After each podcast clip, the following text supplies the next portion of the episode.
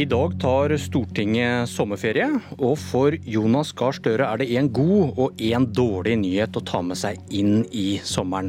Den gode er at regjeringen mister velgere. Den dårlige er at det gjør Arbeiderpartiet også. Og nå kan han ikke skylde på Trond Giske lenger.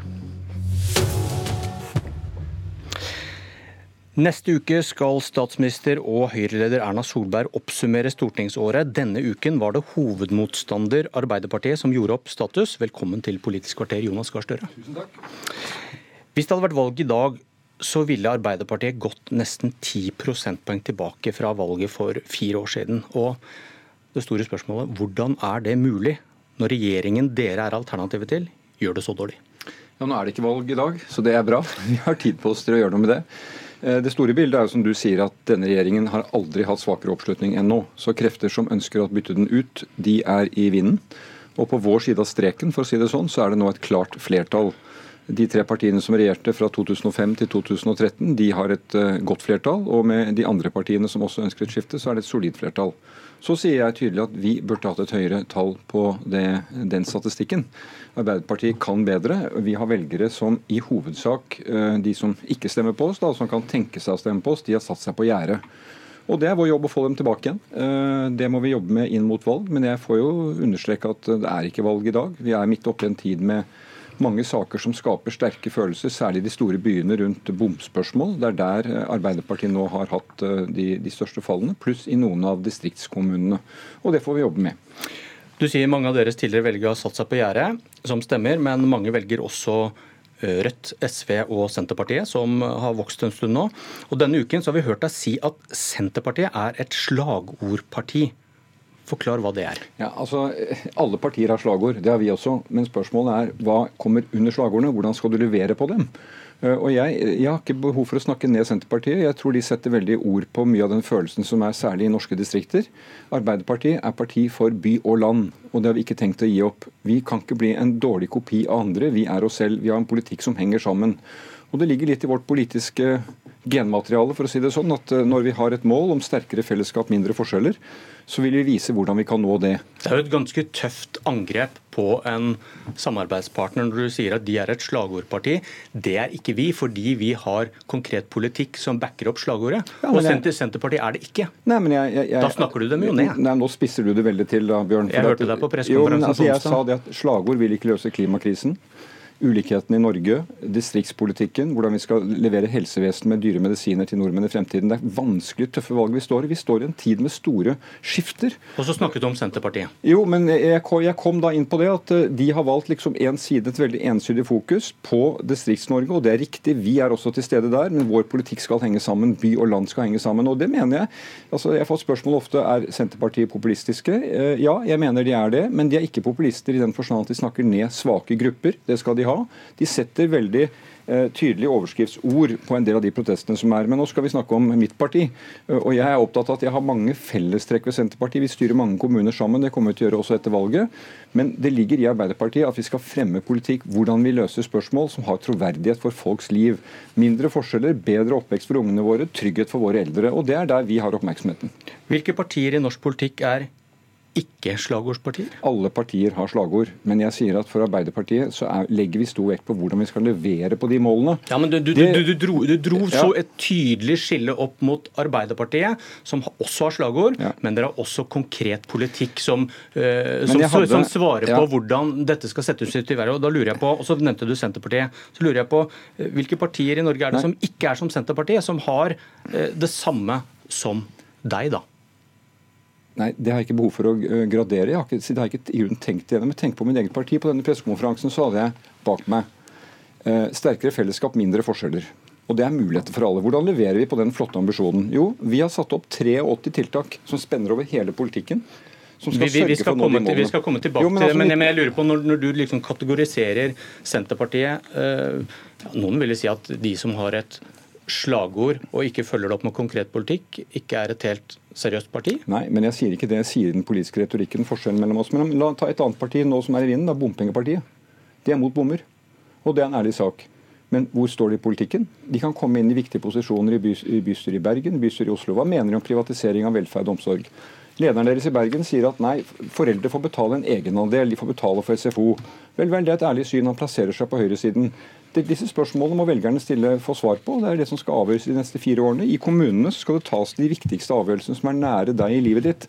Barnas oppvekst, de eldre, lokalt miljø. Det er vanskelige spørsmål, krevende spørsmål, og velgerne må få gode svar på dem. Er Høyre et slagordsparti? De har slagord, og de har, og de har, politikk for å levere på det. Det er en politikk jeg er uenig i, og jeg markerer uenighet i det. Det er en tydelig politikk fra denne regjeringen. vil si tydelig og tydelig, Den trekker i ulike retninger. Men la meg gjenta, alle partier har overskrifter og slagord. Ja, men Du gjorde denne tydelige ja. distinksjonen, og derfor er det interessant å høre om dette partiet som du vil samarbeide med, ja. Senterpartiet, som er et slagordsparti, som du sier, som da ikke på samme måte som Arbeiderpartiet har en politikk for å følge det godt opp. Så lurer jeg på, Er hovedmotstander Høyre et parti som i større grad gjør det? Og det er en politikk vi er mye tydeligere uenig med enn med Senterpartiet. Vi har funnet ja, men Det var et annet spørsmål. Ja, men det var et godt svar. Eh, fordi eh, Poenget er at eh, vi har regjert og tatt vare på Norge gjennom finanskrise med Senterpartiet. Vi har sammenfallende syn. Det er på samme side av streken for hva vi vil med Norge. Men, men når jeg får spørsmål om hvorfor Uh, gjør ikke vi som Senterpartiet en del av de spørsmålene som oppstår, oppstår i norsk politisk debatt, så er det fordi at jeg, jeg, sier at Arbeiderpartiet er også opptatt av at politikken skal henge sammen. Den skal kunne leveres på. Og da forklarer jeg min, parti, min politikk og er mindre opptatt av andres. Ulikhet er gift for et samfunn, sier du i Dagbladet i dag i et angrep på Høyre og regjeringens politikk. og Dere har laget da denne listen du var innom i stad, 83 punkter mot ulikhet. og Hvilke vil du si er de aller viktigste? For meg er det som går på barn og unges oppvekst det viktigste, for der starter det. Uh, ulikhet du har med deg inn i oppveksten, din blir videre med en dårlig barndom, kan vare hele livet. Derfor er vi praktiske og konkrete og sier at denne skolefritidsordningen, som gjør at uh, det hadde det i Politisk kvarter i går, i går at unger med folk med dårlig råd de må gå hjem etter at skolen er over, mens uh, de som kan betale for det, de går videre til SFO.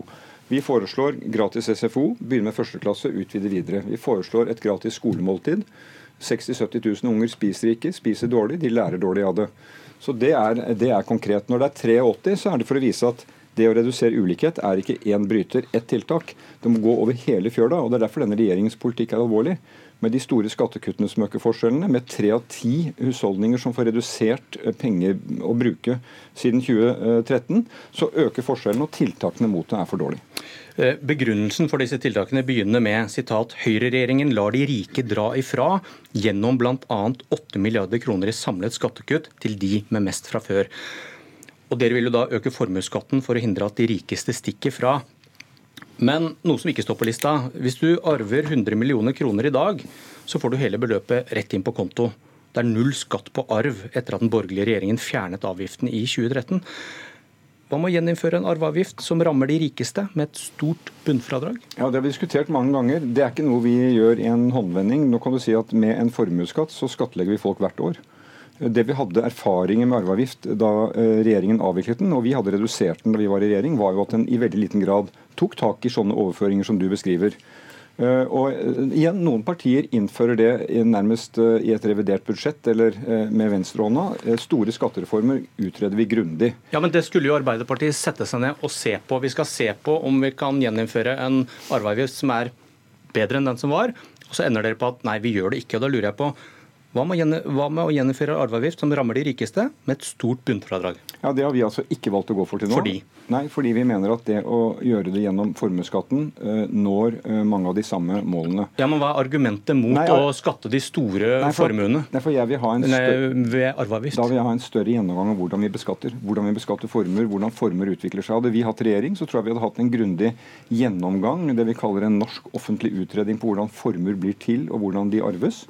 Eh, også ha en politikk men dette er et krav du ikke legger til grunn på en del andre politikkområder hvor du endrer politikk. Jo, så sier du plutselig at akkurat dette men, her, så kan vi ikke ha en mening om det. Det har med ansvarlighet igjen å gjøre, Bjørn Myklebust. Skatt er ikke noe vi bare foreslår som en sånn eh, venstrehåndsforslag. Det må utredes grundig. Det har mange konsekvenser. men hvis du, hvis du tar, tar 30 millioner i bunnfradrag, så tar du i hvert fall de aller største formuene. Ja, men eh, det kan hende at det også har andre typer konsekvenser. og at du ikke da... Uh, Hva da? Få, få Nei, men det har vi altså ikke gjennomgått. ja, men Du har jo diskutert dette i årevis. Vi, vi har ikke prioritert å satse på det. Vi har prioritert å satse på en formuesskatt som sørger for at de av oss med mest betaler formuesskatt, og ikke gjør det bare én gang ved arv, men gjør det hvert år. Så de som arver, de må jo da betale denne formuesskatten hvert år, og det har vi til nå ment vært uh, riktig linje å ligge på. Et argument som har vært brukt, er at det kan ramme familiebedrifter som ikke har da cash til å betale arveavgift, og kanskje må selge andeler. Men akkurat den innvendingen kan du bruke mot formuesskatten òg, som du vil øke. At det rammer bedrifter om de tjener penger, eller om de ikke tjener penger. Jo, men altså Det første argumentet da er jo et av de man må se mye nøyere på når det gjelder det med arv. Det, det må utredes grundig. Uh, og Når det gjelder uh, formuesskatten og bedriftene, så mener jeg at vi hadde en formuesskatt på et nivå i 2013 som gjorde at vi hadde fortsatt sterkt levedyktige og kraftige bedrifter. Det ble skapt mange bedrifter. Et investeringsvennlig klima. Så det var investeringsvennlig i 2013. Det bør ikke være veldig dårlig i, i dag heller. Men da lurer jeg på ut fra det Du sier nå, du sier at vi trenger en offentlig utredning for å vite mer om dette her. Hvorfor satte dere ned et arbeid i partiet med å finne ut om dere skulle finne en ny arveavgiftsmodell da? Vi har ikke hatt et utvalg i partiet som har sett på det. Dere skulle vel eh, kikke på det og Nei. se om dere fant Nei. Hadde, hadde Tajik jobbet med dette, gjorde hun ikke det? Nei, vi har ikke vært gjennom det som, som, et, som et, grundig arbeid. Vi Dere har ikke vurdert det engang? Nei, Vi var med på et stort skatteforlik i, i, eh, for noen år siden. og Det har vi god tradisjon for i Norge. Det er bra hvor vi er enige om strukturen i skattesystemet, så er vi uenige om nivåene. Vi mener en mer rettferdig beskatning er riktig. De av oss med mest må betale mer. Eh, men vi har ikke gått inn på den eh, arveformen, bl.a. av noen av de grunnene du pekte på nå. Hva tror du Anders Gartveit kommer til å si om det nå?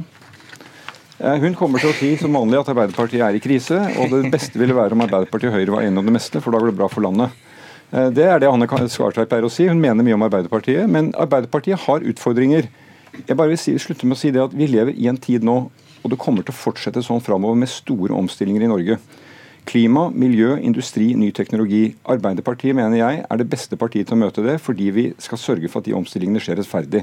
Men da kommer vi til å måtte tåle at det ved jevne mellomrom også blir store diskusjoner internt hos oss om mål og mening. Men vi har en kultur og en tradisjon for å løse de spørsmålene til det beste for folk, hverdagen deres, i et samfunn som fortsatt har små forskjeller. Og Det er Norges store fordel i møte med de omstillingene. Så får vi høre hva Hanne Skartveit mener. Ja, hørte, hørte du det, politisk redaktør i VG, Hanne Skartveit. Arbeiderpartiet er ikke i krise? Hvis du ser på målingene, så ser du at Arbeiderpartiet er i krise. Trøsten for Jonas Gahr Støre var hvis vi går tilbake i historien, 1993 lå de fryktelig dårlig an på denne tida av året og endte med 36,9, som den gangen ikke ble en så bra, men som i dag ser veldig bra ut. Men det er ikke tvil om at dagens Arbeiderparti har det veldig, veldig vanskelig. Hva tenker du om Støres oppgjør med slagordpartiene? Han har et problem med Senterpartiet. De er både en fremtidig venn og en konkurrent inn i det lokalvalget som er nå. Særlig lokalvalg hvor Senterpartiet er det store ordførerpartiet. Og de samarbeider med hvem som helst bare de får ordføreren rundt omkring. De har ingen lojalitet til Arbeiderpartiet i en lokalvalgkamp, samtidig som eh, Støre må pleie det forholdet fordi han har som mål å komme i regjering med dem etter neste stortingsvalg. Hvordan, hva, hvordan vil du beskrive det som har skjedd på rød-grønn side?